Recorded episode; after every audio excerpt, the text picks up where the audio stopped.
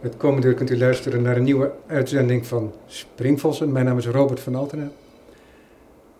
Vandaag gaan we het hebben over geur in de kunst. En toen ik erover dacht, toen kwam er ineens een verhaal van Gogol naar boven. Het is een kort verhaal, geschreven aan het eind van de jaren 30 van de 19e eeuw. Enige tijd geleden, bijna twee eeuwen geleden. En dat verhaal, dat heet De Neus. De Neus, dat gaat over de neus van Platon Kolyakov, meen ik. En uh, kijk, het boek ligt hier op Ja, tafel. ligt hier toevallig. En, en het boek van Platon, het verhaal gaat over Platon Kolyakov die op een ochtend wakker wordt en ontdekt dat hij geen neus meer heeft.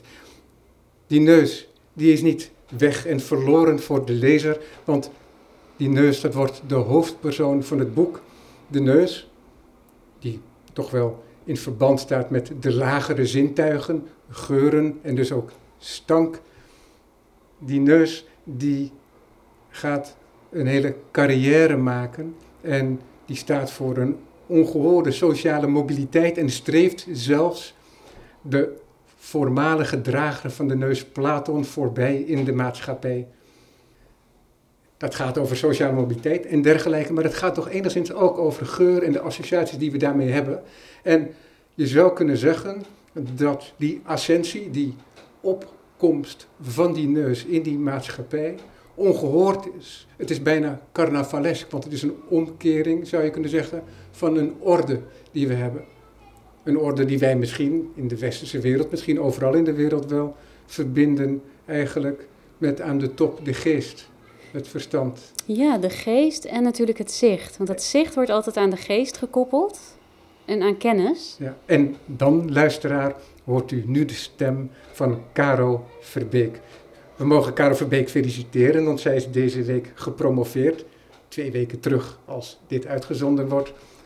Op geur in de kunst. Wat is de titel van je proefschrift? Ruiken aan de tijd. De olfactorische dimensie van het futurisme. Kijk.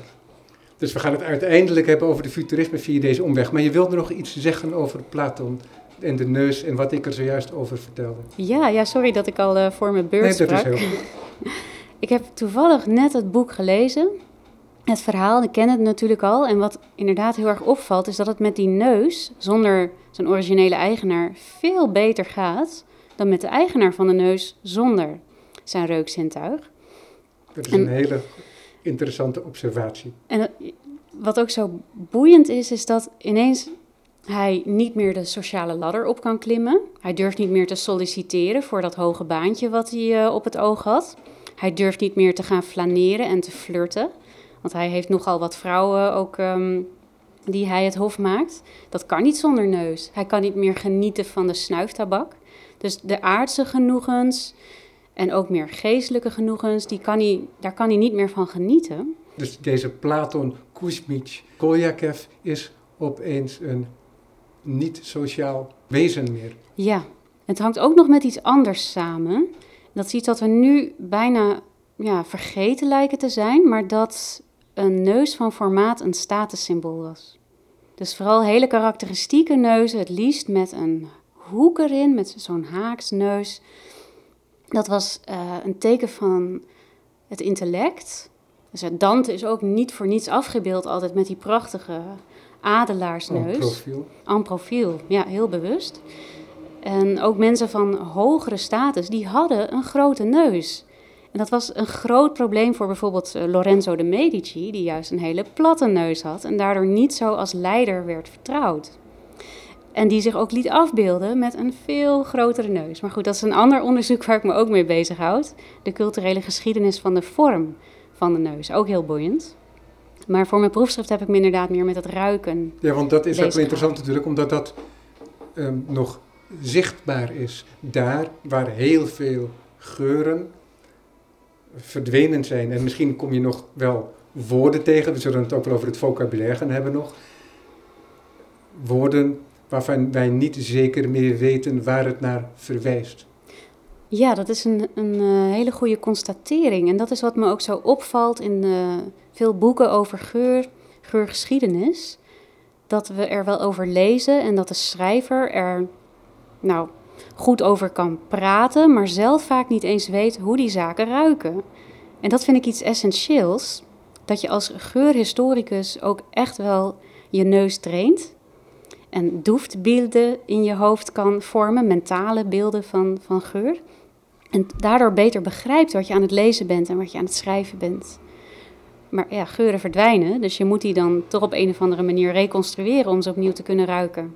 En dat was een heel belangrijk onderdeel van mijn uh, proefschrift. Ja, dus taalvaardigheid speelt daarin ook een grote rol. Überhaupt al, als jij mij mondeling zou willen overdragen hoe een bepaalde geur ruikt en wat voor karakteristieken het heeft, dan komen wij toch heel vaak woorden tekort. We proberen het onderwerp te omsingelen en te verbinden eigenlijk met hele fysieke aspecten van de werkelijkheid die we ook wel kennen vaak. Ja, dat klopt. Vaak als, je, uh, als iemand een geur wil omschrijven, dan wordt er verwezen naar de bron van die geur. En dat zouden we bij kleuren nooit doen, bij iets visueels. We zouden nooit zeggen, goh, wat een mooie tomaatkleurige trui heb je vandaag aan. We zeggen, wat een mooie rode trui. Uh, of de gevoelens die het oproept, hè? dus een, uh, een hele nostalgische geur. En ook vaak een, een heel direct uh, oordeel van dit is vies of dit is lekker. Dit is plezierig en dit is stank. Dat zijn de manieren waarop we geur kunnen omschrijven. de futuristen hadden wel veel meer manieren bedacht hele interessante manieren, zoals de synesthetische wijze van het omschrijven van geuren. Ze hadden het over groene, blauwe, rode geuren, over driehoekige geuren, elliptische of zelfs boogvormige, bewegende geuren. Ja, ja. Wat heel... maar, maar synesthesie, dat was in zekere zin een beetje in de mode, heb ik de indruk, ook wel aan het begin van de 20e eeuw. Ik herinner me ook zo'n kleurenorgel van Alexander Skrawin, componist en pianist, denk ik ook. En kennelijk dus ook uitvinder. Kijk, de luisteraar die zal nu ook wel merken dat het gesprek al begint over te lopen aan mogelijkheden. Waar gaat dit gesprek naartoe? En toen ik jou uitnodigde, ik had Frits Scholten, conservator beeldhouwkunst van het Rijksmuseum, maar ook bijzonder hoogleraar aan het VU. En een van jouw promotoren gevraagd of hij nog een mooi onderwerp wist. Want ik had met hem een aantal mooie uitzendingen gemaakt. En waaronder twee keer zelfs een uitzending over het verschijnsel van de gebedsnood. Ik ga nu niet helemaal uit de doeken doen wat dat is. Maar Frits die stelde me voor om met Caro Verbeek te gaan spreken. Want die was de dag daarvoor net gepromoveerd. En nu zitten wij al tegenover elkaar. En nu blijkt ook dat dat onderzoek, dat jarenlange onderzoek van Frits Scholten naar de gebedsnood, dat dat jullie ook samen heeft gebracht, jullie onderzoeken ook heeft samengebracht. Zou je daar iets over kunnen vertellen? Ja, zeker. Dat, dat is een, uh, een artikel van Frits, is de aanleiding geweest voor mijn aromatische odyssee, om het zo maar te zeggen, uh, voor het reconstrueren van geuren. Dus ik las een artikel van Frits over gebedsnoten en dat die origineel een geur zouden kunnen hebben gehad. En hij had zelfs een uh, origineel recept uit een secreetboek opgediept. In dat artikel stond dat die geuren, geurstoffen niet meer gebruikt werden in de huidige industrie, maar ik kende ze allemaal. Ze worden wel degelijk uh, nog steeds toegepast. En ik, had die, ik heb een geurenarchief, dus ik heb die geuren bij elkaar gebracht en een flesje op Frits bureau gezet. Uh, en toen raakten wij uh, aan de praat. Hij was daar ook heel erg blij mee en hij heeft het heel veel gebruikt tijdens rondleidingen. Om toch die olfactorische dimensie van zo'n gebruiksvoorwerp te verduidelijken op aromatisch niveau. En waardoor je ook meteen een soort historische reis maakt. Ja, dat klopt. En dat heeft toch ook wel specifiek te maken, denk ik, met die geur. Want er zijn in de geschiedenis, of sinds de geschiedschrijving bestaat, allerlei pogingen gedaan om het verleden op te roepen. En in Nederland wordt dat dan verbonden, denk ik, met Johannes Huizinga, het idee van de historische ervaring. En later iemand uit het Groningse, Frank Ankersmit, die heeft daar volgens mij zijn, zijn dankzegging bij het aanvaarden van zijn hoogleraarschap aangeweid. Hij jongleert daarin een beetje met de verschillende filosofieën.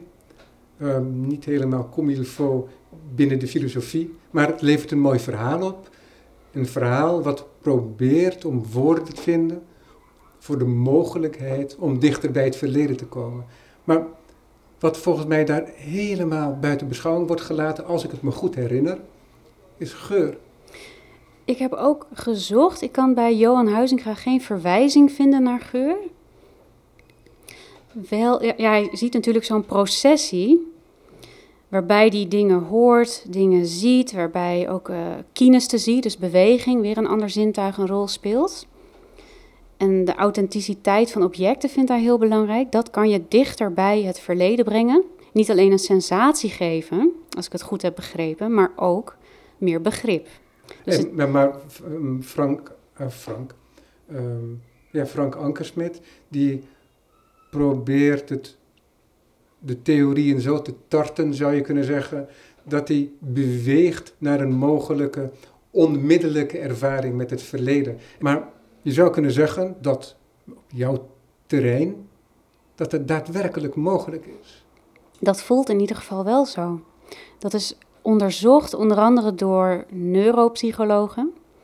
Geen enkel ander zintuig stelt ons in staat om ons zo verbonden te voelen met het verleden als de reuk. En dat komt waarschijnlijk doordat je reukcentrum in je brein, dat is een heel fysiologisch verhaal, in direct contact staat met je emotionele brein, je amygdala, en met je geheugencentrum. Maar zelfs als je een geur nog nooit hebt geroken, ik moet zeggen, dan moet er ook wel een verhaal bij zitten, dus een context bij zijn.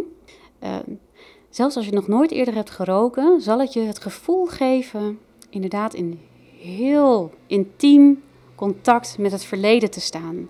Dat komt ook omdat je bij geuren niet gaat denken, maar gaat voelen.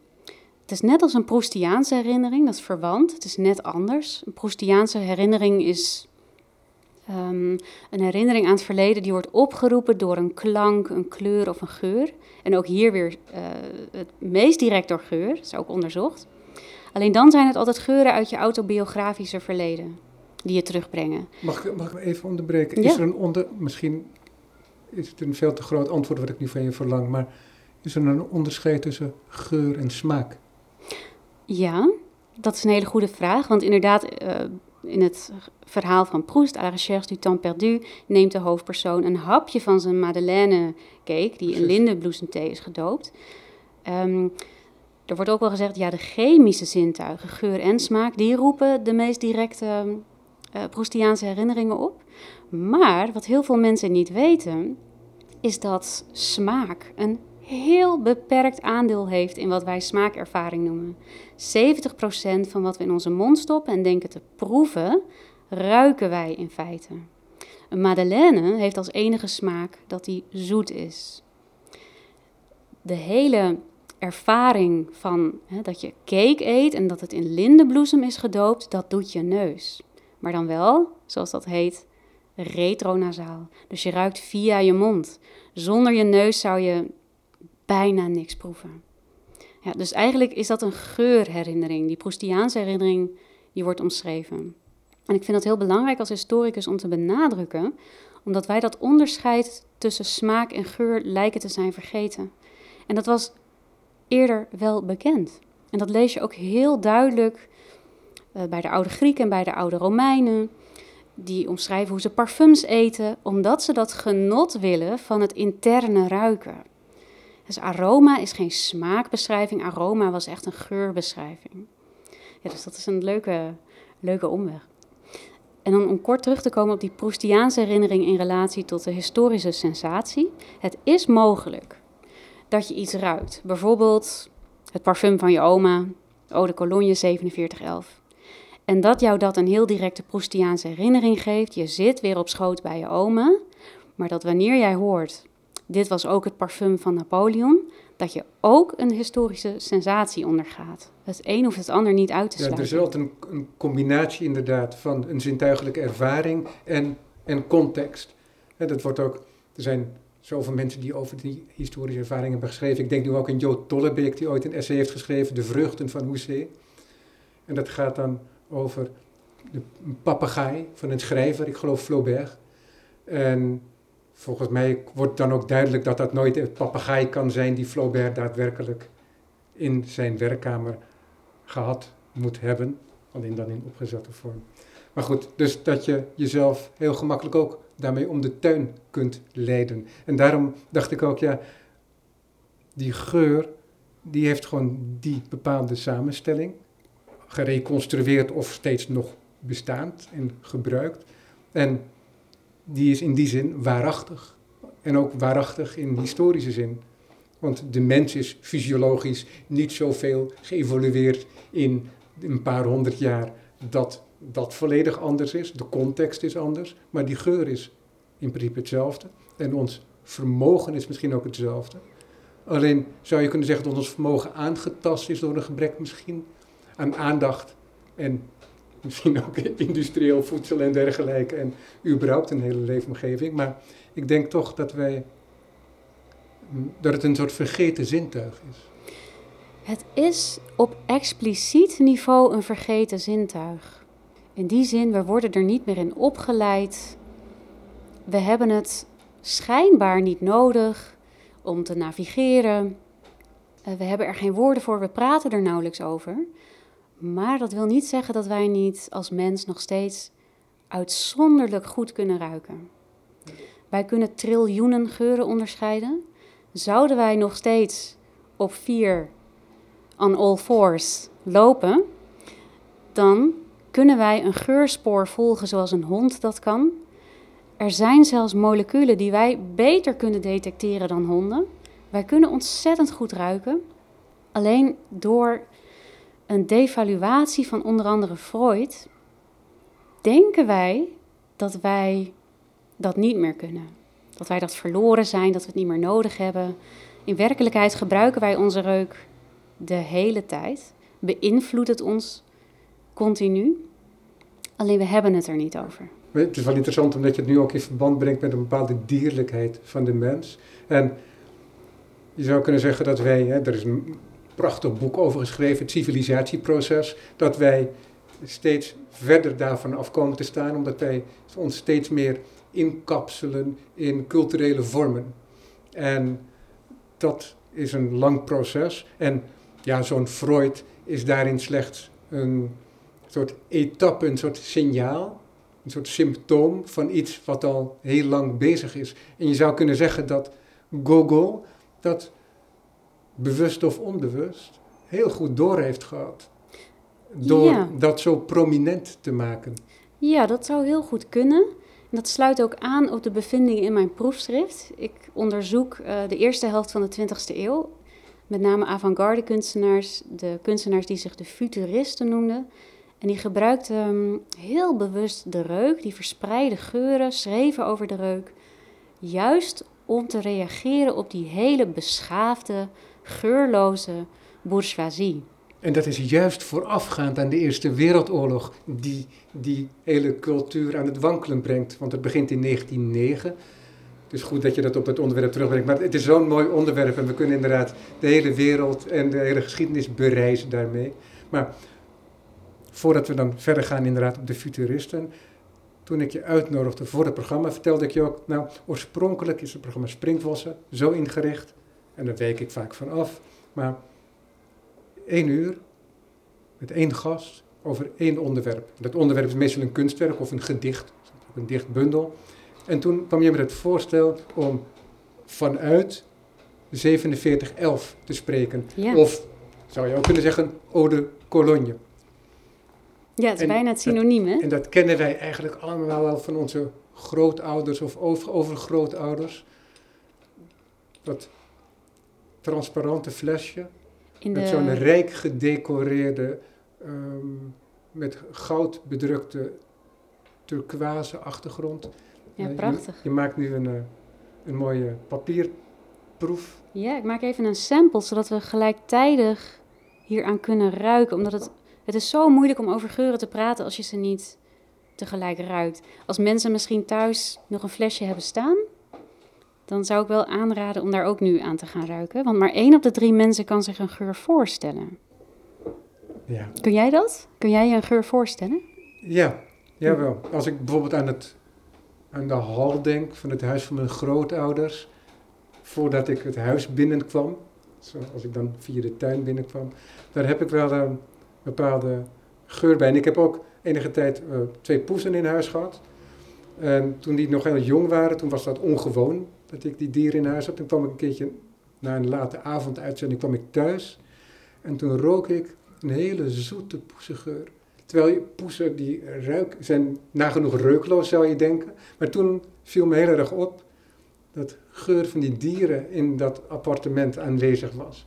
Heel mooi en heel vertederend vond ik dat ook. Ja. Dus, dus in die zin heb ik wel momenten gehad dat ik er bewust van was. Niet dat ik een enorme neus ben, hè, want je hebt mensen die er wel bewuster van zijn en ook groter vermogen hebben. Maar in die zin ken ik het wel. Ja, nou het is dus vrij zeldzaam.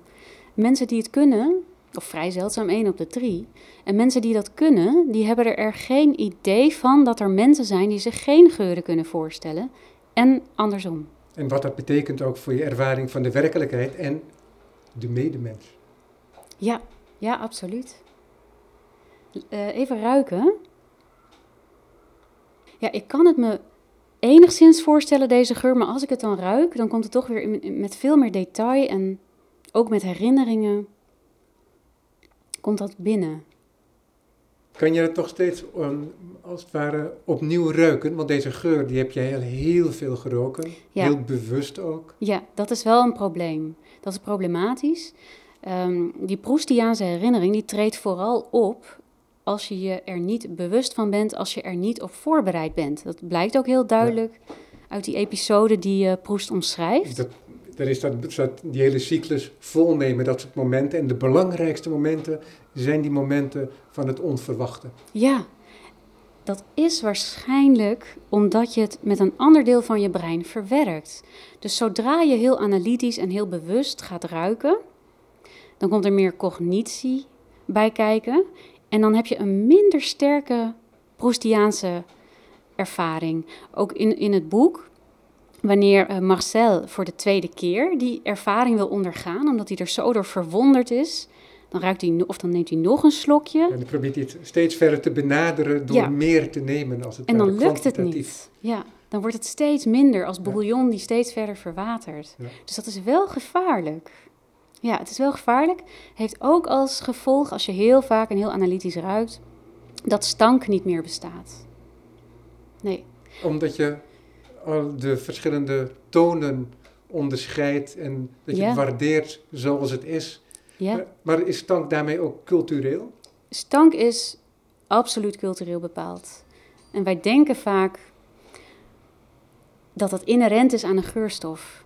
Dat is stank zweet stinkt, uh, uitwerpselen stinken. Dat is natuurlijk helemaal niet waar. Ik ben even afgeleid door een, uh, door een telefoon die gaat. Konden we maar geuren ook via de telefoon versturen. Um, ja, in andere culturen worden andere geuren gewaardeerd en uh, gedepresseerd.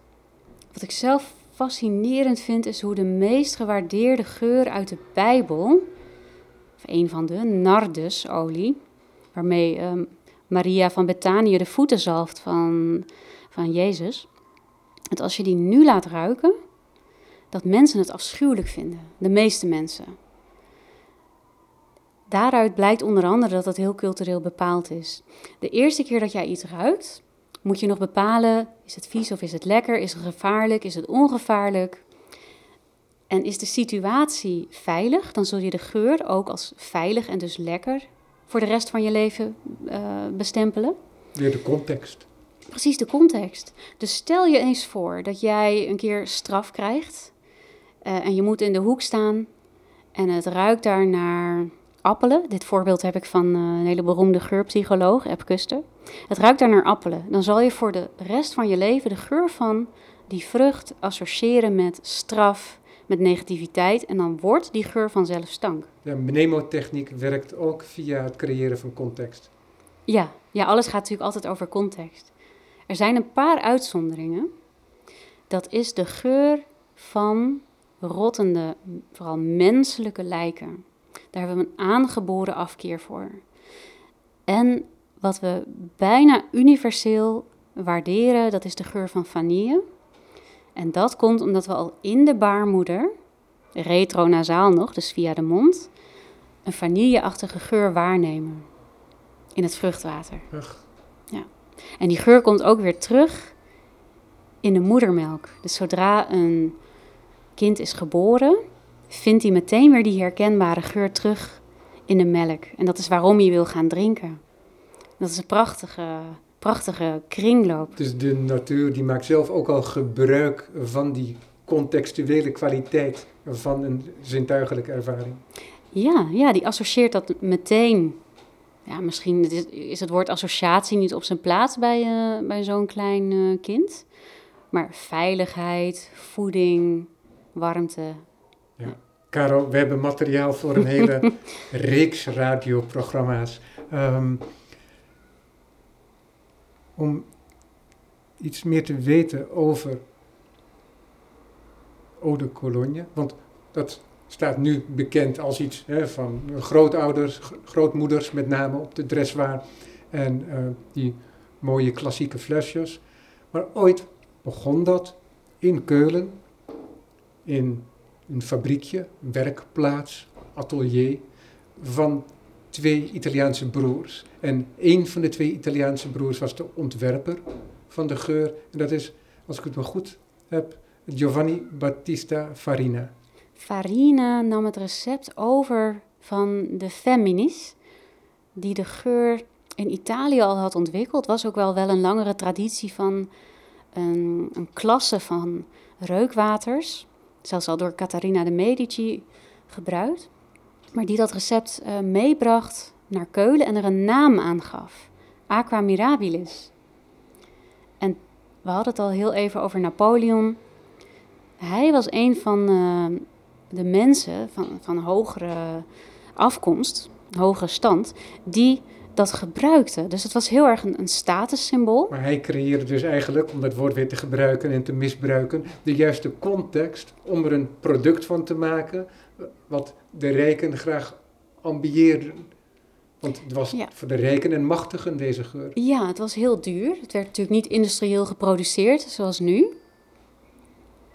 In de 20e eeuw werd het veel goedkoper. Dus toen konden mensen van, eh, ja, met minder middelen ook naar Eau de Cologne gaan Ja, ruiken. maar deze Farina die het meenam uit Italië en het dus kennelijk niet zelf ontwierp zoals ik had bedacht, die heeft die geur vervolgens naar zijn nieuwe stad, zijn nieuwe thuisplaats vernoemd, het Keuls Water. Ja, Maar, en die wist er dus ook aan de man te brengen bij ja. rijken en machtigen, want het was ook een dure geur. Het was duur en hij was officieel hofleverancier. Dat zie je ook aan de reclames uit die tijd. Daar, daar worden alle mensen genoemd. Eh, mensen van adel, koninklijke mensen En dit is dan het allemaal het gebruiken. tweede decennium van de 18e eeuw. Ja, we hebben het dan over begin 18e eeuw. Dus Lodewijk XIV die is net omgevallen, de 15e zit net op de troon. Ja, en dan krijg je een heel ander klasse eh, parfumgebruik, of eigenlijk reukwatergebruik. Het was geen parfum zoals we dat eh, vandaag zouden gebruiken. Het was een medicijn in feite. En de meeste parfums en reukwateren die vinden ook hun herkomst in de farmaceutische geschiedenis. Dus het was bedoeld niet om lekker te ruiken, aantrekkelijk te zijn, maar om hoofdpijn te verlichten, vrouwen in barensnood bij te staan. Ehm, ze wisten natuurlijk nog niks van bacteriën maar, en ziektekiemen, maar wel dat het ontsmette. Dat het, dat het ziektes kon weren, dat wisten ze. Daarom werd het ook heel veel ingezet in oorlogen. Maar dat werd niet alleen verbonden aan het idee dat er alcohol in zat. Nee, nee, wel degelijk de de- geuren. de Ja, dat, klassieke dat zou theorieën je zaten denken, ja. daaromheen. de miasma-theorie inderdaad. Het idee dat stank verantwoordelijk is voor de verspreiding van epidemieën of van ziektes, waardoor er epidemieën ontstaan. En dat is niet zo'n gek idee natuurlijk. Als je bedenkt dat op plekken waar er weinig hygiëne is, waar mensenmassa's samenkomen, waar meer sprake is van wat je cultureel gezien stank kan noemen, daar is ook meer verspreiding van ziekte. En de oplossing werkte ook. Het je ontdoen van die stank betekende automatisch meer hygiëne, minder uitbraak. Ziekte werd niet alleen herkend aan de hand van geur, maar ook bestreden met geur, Omdat werd gedacht, nou, waar er stank is, daar is de lucht ziek, daar is de lucht inelastisch. Die lucht moet elastisch gemaakt worden en dynamisch. En dat doe je met welriekende geuren. Waaronder zo'n eau de cologne. En in die eau de cologne zitten ingrediënten zoals citroen, bergamot, uh, rozemarijn. Wat wil nou het feit? Planten, die planten, hebben geurstoffen om zich te beschermen tegen ziektes. Tegen um, bacteriën, tegen insecten. Planten hebben niet zomaar geuren, die communiceren daarmee. Dus, dus er zit wel, ja, daarmee verbonden is er toch een, een klassieke botanische wijsheid die we hebben opgedaan in de loop van onze evolutie. Absoluut, ja. En ook hè, uh, de traditie van uh, wierook in de kerk tegen de rijke stinkers was natuurlijk niet alleen maar om die stank te kunnen verdrijven, maar om daadwerkelijk de lucht gezond te maken. De hars van, de, uh, van Olibanum, dat is wierook zoals het in, in de Bijbel wordt genoemd, is ongelooflijk antibacterieel en antiseptisch. En natuurlijk was, moest het ook een gebed zijn, hè? een geurig, woordeloos gebed aan God. Zijn we weer een heel eind afgebracht. Nee, precies. Nee, want dat, zo had ik het altijd gelezen, hm. maar ik had nooit bedacht dat er ook nog een medicinale werking mee verbonden was. Ja, natuurlijk moet je ook in gedachten houden dat religie en gezondheid niet twee gescheiden gebieden waren, zoals dat nu zo is. Dus alles hing samen. Ja, en we zijn zo gespecialiseerd. Dus met die specialisatie komt ook fragmentatie, disciplines. En dat is misschien ook weer een mooie brug naar mijn onderwerp. Als kunsthistoricus had ik alleen geleerd om te kijken. En daardoor, en door gebrek aan uh, teksten erover, realiseer je je niet dat kunstenaars zo vaak van geur gebruik maken. Het is al heel wat als je als kunsthistoricus leert kijken. Want de meeste kunsthistorici die leren eigenlijk alleen maar lezen en kijken via de tekst. Kijken via de tekst. Maar ik vind wel opvallend dat in kunstgeschiedenisboeken vaak afbeeldingen staan. Dat zijn niet alleen illustraties, die zijn ook wel informatief. En tijdens colleges, kunstgeschiedenis, ik, ik kreeg zelfs nog kunstgeschiedenis op de hele klassieke manier, twee projectoren. Dus altijd twee beelden vergelijken, zoals Wulflin uh, dat deed. Waardoor je de overgang van de ene stroming naar de andere stroming beter ziet. Dus wij leerden wel ja, kijken te, en wat je ziet te verbinden aan tekst. En dat ontbreekt in geurgeschiedenis. Dus daar wordt geschreven, daar wordt gesproken, daar worden wel powerpoints getoond met afbeeldingen. Het materiaal blijft achterwege. Er wordt niet geroken. En dat vind ik problematisch. Uh, jammer. Het is eigenlijk verbijsterend. Het is eigenlijk verbijsterend. Maar dat heeft te maken met hoe wij de reuk zijn gaan beschouwen als niet informatief, niet intellectueel. Maar het kan wel degelijk informeren. Ja, het is ook zo dat het heel erg indrukwekkend kan zijn. Zoals jij zelf ervoer, want je beschrijft volgens mij in het voorwoord van je proefschrift ook, dat de eerste keer dat jij er bewust van werd, van het gebruik van geur in beeldende kunst, was tijdens een bezoek in 2001, meen ik, aan de Biennale in Venetië. En dat jij gestoord werd en verstoord werd door vreemde geuren die je tegemoet kwamen. En even later ontdekte je dat die vreemde geuren van een kunstenaar genaamd Neto, meen ik, was.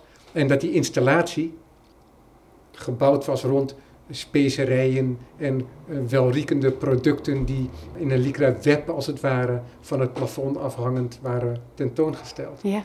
En in plaats van dat je dat vervolgens verwierp, naar aanleiding van je eerste reactie, overwon je de eerste reactie en omarmde je de ervaring.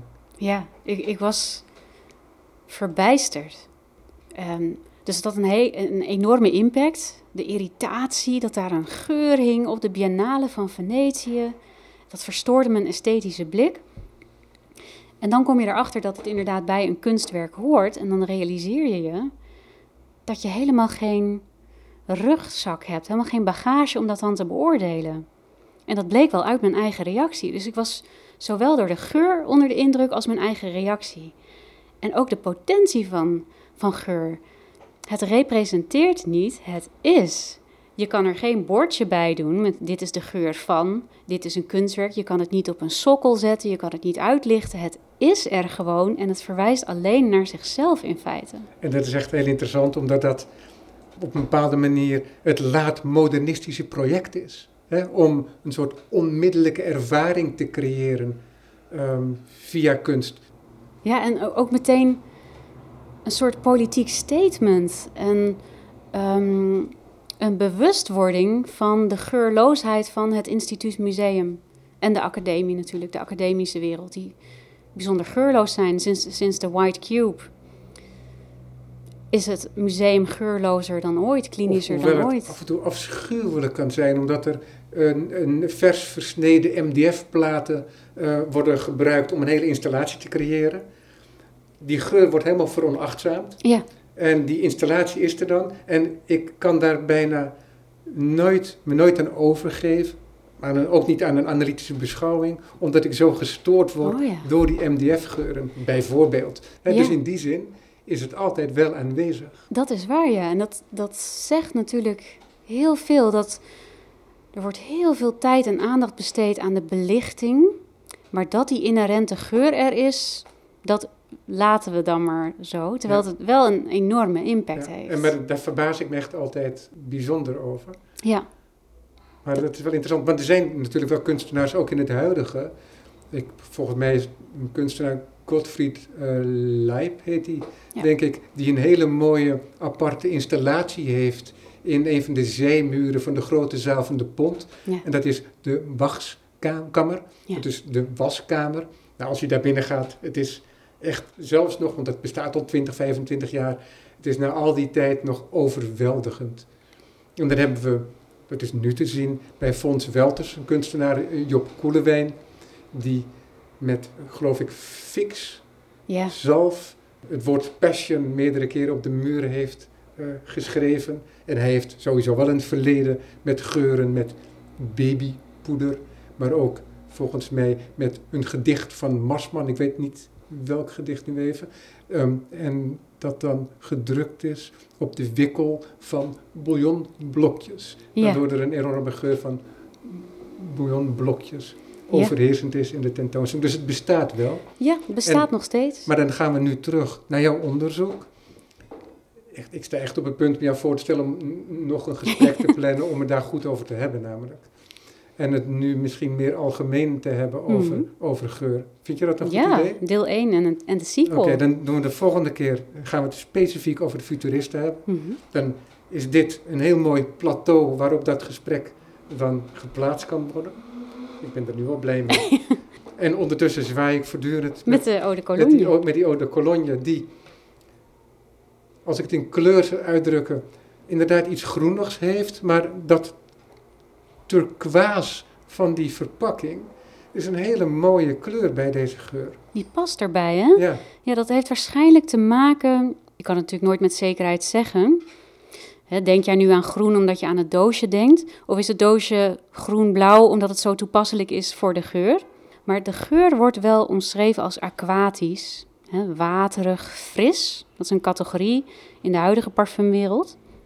En eau de cologne is natuurlijk extreem fris. Dat komt onder andere door het gebruik van rozemarijn. Shakespeare benoemt ook die kwaliteit, de frisse kwaliteit van rozemarijn. Dus je zou bijna zeggen dat het een, een transhistorische kwaliteit is. Maar rozemarijn is ook kruidig en dat vind je ook terug in deze Het is ook heel kruidig, maar die onmiddellijke verkoeling, waar het zo om wordt geroemd, waardoor het ook hoofdpijn eh, kan doen verminderen dat is in feite geen aromatische kwaliteit. Nu komt het. Dat is weer een ander zintuig wat daarvoor verantwoordelijk is. Dat is een trigeminale kwaliteit. En dat hebben bijna alle geurstoffen. Uh, dat betekent dat wanneer je een geurstof inhaleert, pepermunt, rozemarijn, dat het koel ruikt. Het ruikt fris, koel. Je zou het eerder als koud dan warm omschrijven. En koud is natuurlijk geen geur. Koud is eerder een, een tactiele sensatie, een gevoelssensatie. En dat neem je waar met je drielingzenuw. die achter in je neus eh, zit. Of die is bereikbaar via je neus. Nee, daar hebben we het ook nooit We over. leren wat van deze microfoon. Ja, dat is zo'n interessante kwaliteit. Zelfs als je kijkt naar de humorenleer, waarin er wordt gesproken over nat en droog en koud en warm. Ja, dat is echt een hele oude leer. Hele oude leeuw, eh, Waar- leeuw- waarin, waarin, eeuw- er eh, vanuit, leer. wordt- waarin er vanuit wordt gegaan dat het lichaam be- bevat verschillende vloeistoffen en die moeten in een bepaalde verhouding met elkaar verbinden. Dus het is een sympathische verhouding. Als de verhouding verstoord is, dan wordt de verstoring vernoemd naar het overheersende humor, naar het overheersende sap. We gebruiken het nog steeds in onze taal, daar komt het woord zwartgallig vandaan bijvoorbeeld. En dat is een oude leer uit de oudheid, maar die via de middeleeuwen ook nog tot ons is gekomen. Tot wanneer werd dat gebruikt? Weet je dat? Ik weet in ieder geval zeker dat het nog werd gebruikt tot in de 13e, 14e eeuw. En dat weet ik omdat ik eh, Hildegard van Bingen een beetje heb bestudeerd. Die een hele encyclopedie heeft geschreven over de geuren en de andere eigenschappen van en ook, planten. ook prachtige muziek. En de muziek, ja, Een universele vrouw. Ja. lettre. ja die alle, alle zintuigen, ehm, die zichzelf opleiden eigenlijk middels alle zintuigen.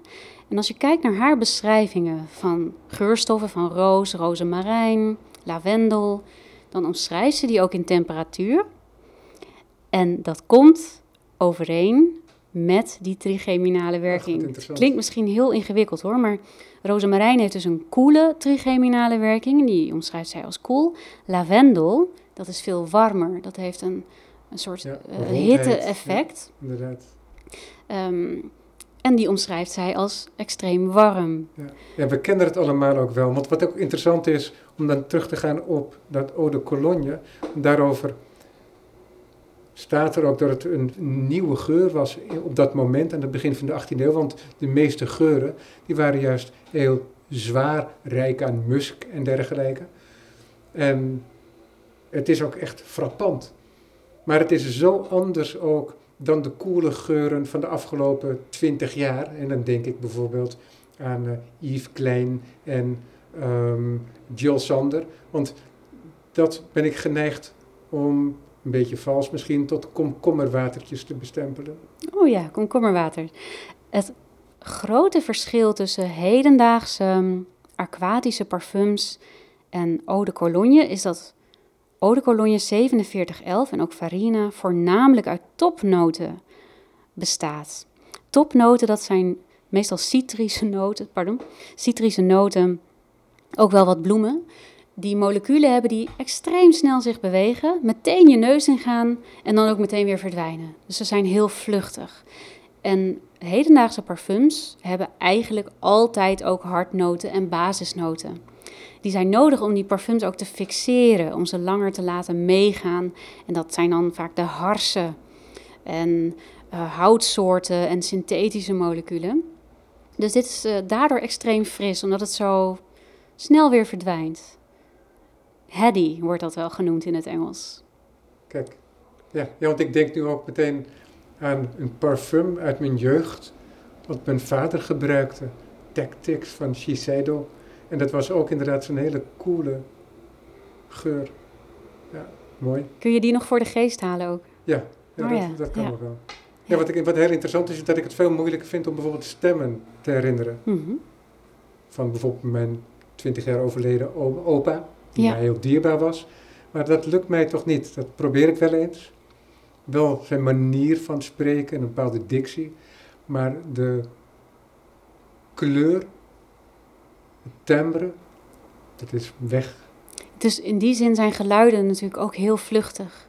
En kun je de reuk wel vergelijken met het gehoor. Ja, het is altijd zo moeilijk, want ik heb enige periode heb ik, ehm, kon ik niet kijken, niet lezen na een ongeluk. Hm. En wat ik toen deed, na een paar maanden, ehm, om weer wat te doen en wat prikkels te hebben, toen ben ik naar films gaan luisteren. Films die ook wel gewoon talig waren, zoals Abu de Souffle bijvoorbeeld, maar ook Le Mépris, alle twee van Godard of La Dolce Vita.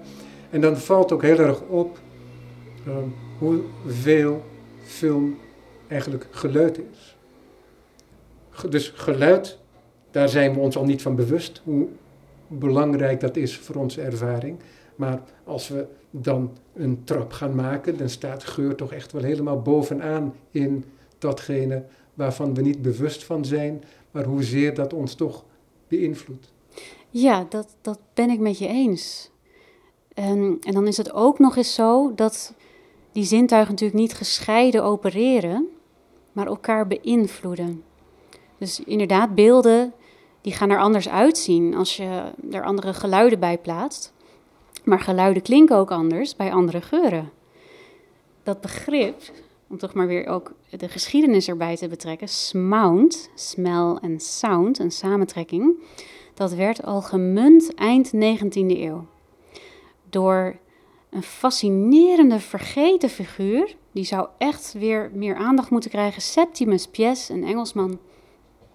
Uh, hij was chemicus, hij was parfumeur en hij ontwierp een gamut of odors, een soort geurenoctaaf waarbij hij muzikale noten koppelde aan olfactorische noten, aan geurstoffen. En zijn idee was als je dan een harmonisch akkoord zou spelen en de overeenkomstige geurstoffen daarbij pakt, dan is dat ook een harmonische geur. En heb je octaven in geuren, dus een lage D en een hoge D. Ik weet het nu niet precies uit mijn hoofd, maar dat is dan bijvoorbeeld een hele zwaarlijke dierlijke geurstof, de lage D. En een iets hogere D is dan een iets lichtere dierlijke geurstof, dus civet en dan ambergrijs. En deze uh, meneer Pies, Pies. met P-I-E-S-S-E e, meen ik. Ja. Deze meneer Pies, heeft hij dit ook uitgevoerd of was dit theorie?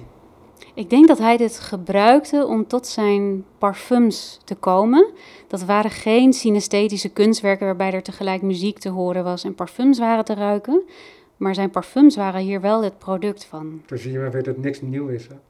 Dus als je dan denkt aan het kleurenorgel van Scriabin en jij noemde dan de equivalent ook met parfum.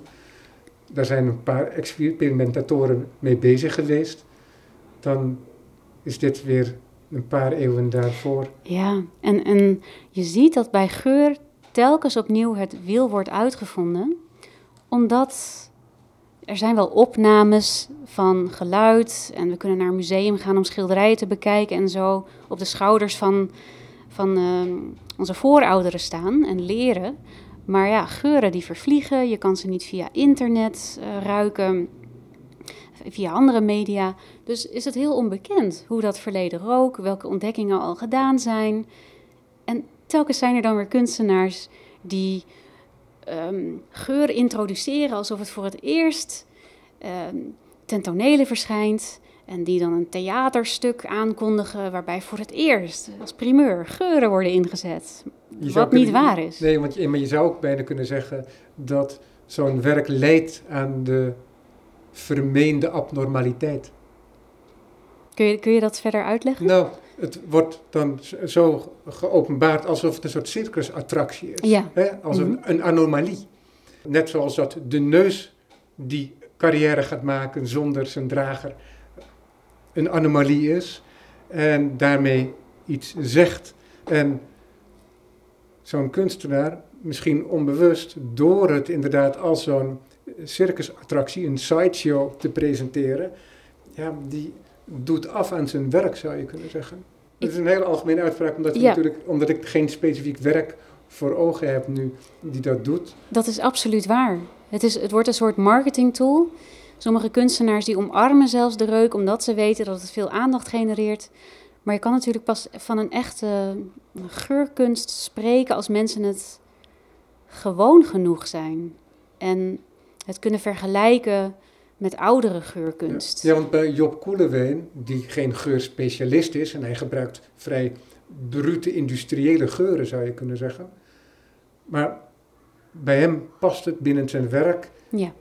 want zijn werk is volledig gericht op concentratie. Concentratie van beleving, van ervaring, van denken, van gemoed, van het maken. Ja. Concentratie is het kernwoord in zijn oeuvre, dus daar past dat ook heel goed bij. Ja, ja dat, dat ben ik ook met je eens. Hij, hij schept natuurlijk een heel universum, uh, waarbij die geur voor hem ook een, um, een doel heeft, hè, het inzetten van die geur. Ehm, ik ben meerdere keren bij hem op atelierbezoek geweest. En daar vertelde hij mij dat hij tijdens het lezen van bijvoorbeeld Spinoza aan menthol ruikt. Omdat, en dat is ook waar, de volgende keer dat hij dan weer dat boek openslaat en, en meteen aan die geur gaat ruiken, direct in dat boek weer zit. En in die hele hermetische, hele ontoegankelijke materie. Omdat hij in die sfeer meteen komt. Het is net anders dan een Proustiaanse herinnering, maar die geur die zorgt er wel voor dat hij weer helemaal in die manier van denken komt. Ehm, waar hij ook in zat toen hij de laatste keer dat boek had opengeslagen. En ook daar heeft hij een, een prachtig kunstwerk op gebaseerd, Nursery Piece. Het gaat ook over concentratie. Dat zijn alle pagina's van de Ethica van Spinoza uitgespreid op de vloer, daar overheen uitgestrooid, en dat doet hij zelf als een soort meditatie. Mandala's van zand. En die mandala's zijn op hun beurt weer begeurd met menthol. Wat is die? Eh, letterlijk zei hij: It doesn't just open up your pathways, your air. Ik zeg het niet goed, maar De je- luchtwegen. de luchtwegen, bedankt. Maar ook je mind. Ja. En het loopt als een rode draad door zijn oeuvre, die, die geurstof Fix Vaporub. Ja, het is wel interessant dat jij als uitgangspunt voor je onderzoek een medium hebt gekozen, waardoor je enorme reizen kunt maken van het werk van Job Koelewijn vandaag tot en met zo'n alchemistische onderzoeker in het, uit het verleden. Ja, en dat is ook waardoor dit gesprek natuurlijk ehm, inhaakt op zoveel tijden en disciplines. Ja, en kijk, en voor mij is dat het ook zo nieuw, dus ik, het enthousiasmeert me ook heel erg maar dat doet om geur. dat ja. aan te raken. Maar dat doet, je zou kunnen zeggen Dat- inderdaad, dat dat, doet doet het medium zelf. Het is zo associatief. En het is waar, geur is geen thema. Geur is allereerst voor mij een methode, het ruiken. En het overstijgt chronologische eh, narratieven. Het overstijgt eh, geografische indelingen, disciplines. Je kan het overal aan koppelen. En daarom is het zo boeiend, natuurlijk net als andere En het zintuigen. is ook een meraboire, want je kunt je op de westerse wereld richten, maar er zijn ook nog steeds andere culturen met hun eigenheden. Als we het alleen maar over de keuken hebben al, maar er is nog veel meer omheen. Dus het is ook bijna oneindig. Dus het is ook heel verstandig dat je zo'n hele mooie besloten periode, 1909-1942, hebt uitgekozen, waar we dus de volgende keer over gaan Ja. spreken. Wat zijn de grootste ontdekkingen die je dan doet? Want gaat dat dan via literatuur of is dat dan... Want wat je ook doet, heb ik begrepen, is dat er een praktijkonderzoek is. Ja, dat klopt. Mijn ehm, proefschrift werd bekostigd door een fonds van NWO, wat Creative Industries heet. Of ondersteunt. Ehm, en dat betekent dat je niet alleen een manuscript schrijft, maar dat je ook samenwerkt met de industrie en met een erfgoedinstelling. En er een soort driehoeksverhouding ontstaat waarbij elke partner iets heeft aan beide andere partners. Dus de geurstoffenindustrie in mijn geval, die kon ehm, geurstoffen leveren, geurreconstructies maken, helpen met het omschrijven van geuren.